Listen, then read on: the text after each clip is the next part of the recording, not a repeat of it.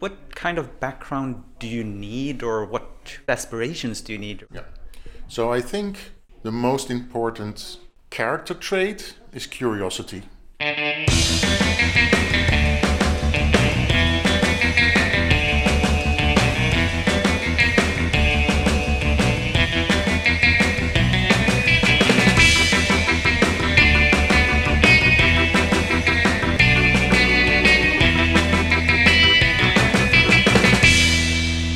Special episode of Wikipedia Podden. We're at the mini hackathon in Utrecht in the Netherlands, and I'm here with Siebrand Mazeland, one of the organizers. Hello, Siebrand. Hi, Jan. So, the mini hackathon, what is that? It's an event for a small group of people. Uh, most of them are from the Netherlands. We have a very small budget. We have a little bit of travel budget. It was earmarked to only allow people to travel by train so people could get compensated up to 100 euros also from abroad if they traveled in by train, which is something, for example, Timo did. Our goal is um, to bring people with development background or development aspirations together here. Um, we capped the number of attendees around 30. And we just want to spend the day with like minded people, deepening people's expertise. And there was a little bit of presentation of what kinds of projects people were working on in the beginning. Was there anything that specifically caught your mind? Oh, that looks interesting. I often hear the word OpenRefine. I know very little about it. So at one point in my life, I want to try and know more about it. I don't know if that's going to be today, but. And usually in hackathons, there's a showcase in the end, so you see what everyone has been working on. This is not going to be the case today. What's what's the plan? Uh, the plan is that uh, that is going to happen during uh, WikiCon NL, which is held uh, next week, Saturday. I think that's the 19th of November. We are going to have between 125 and 175 people there, and we're going to share, yeah, what we did during this technical event there.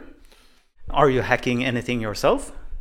Yes, but unfortunately, it's not uh, Wikimedia related.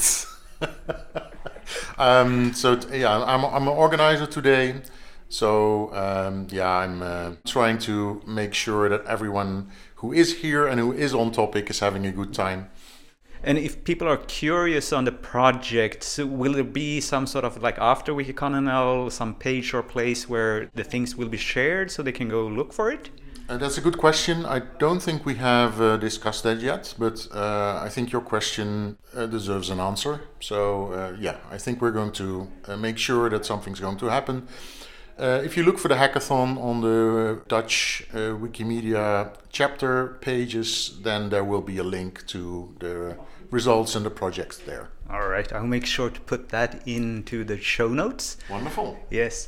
And for people who are like curious about hackathons or like what kind of background do you need or what aspirations do you need? Yeah. So I think the most important character trait is curiosity. You need to be curious about what's behind the facade. For Wikipedia, that is um, a front that shows you information and images and uh, organized in paragraphs, etc. But there's a, a, heap of complexity behind it, uh, and behind that there's another layer of complexity.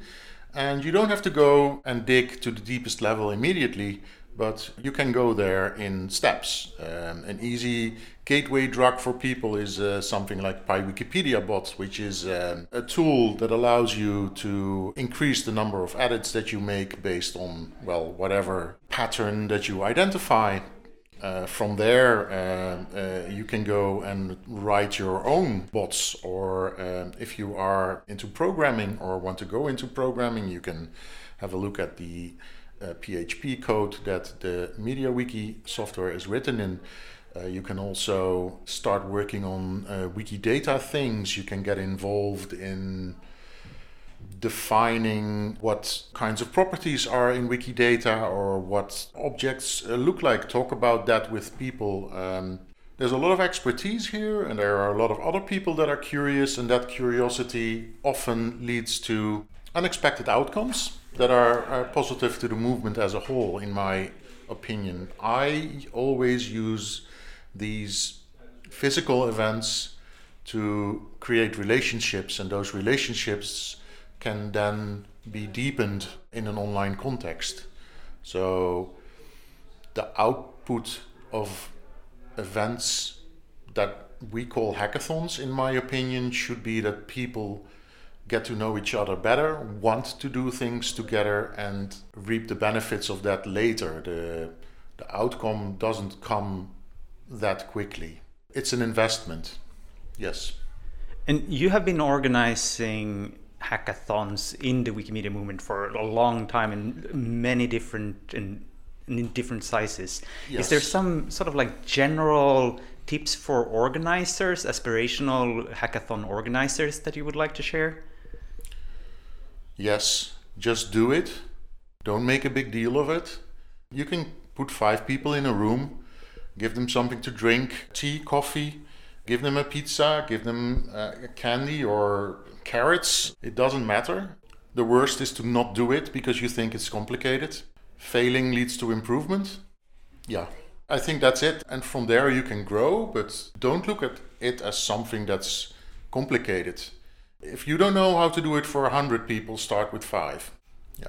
All right, excellent tips. Thank you, Siebrand. You're welcome. That was Siebrand Mazeland, one of the organizers of the mini hackathon. You'll find some of the links that we mentioned in the show notes. On our website, you'll also find more English episodes under the tag English. You can even subscribe on that. And with that, I thank Siebrand, Husky, Multichill, and Spinster for organizing the mini hackathon. Bye!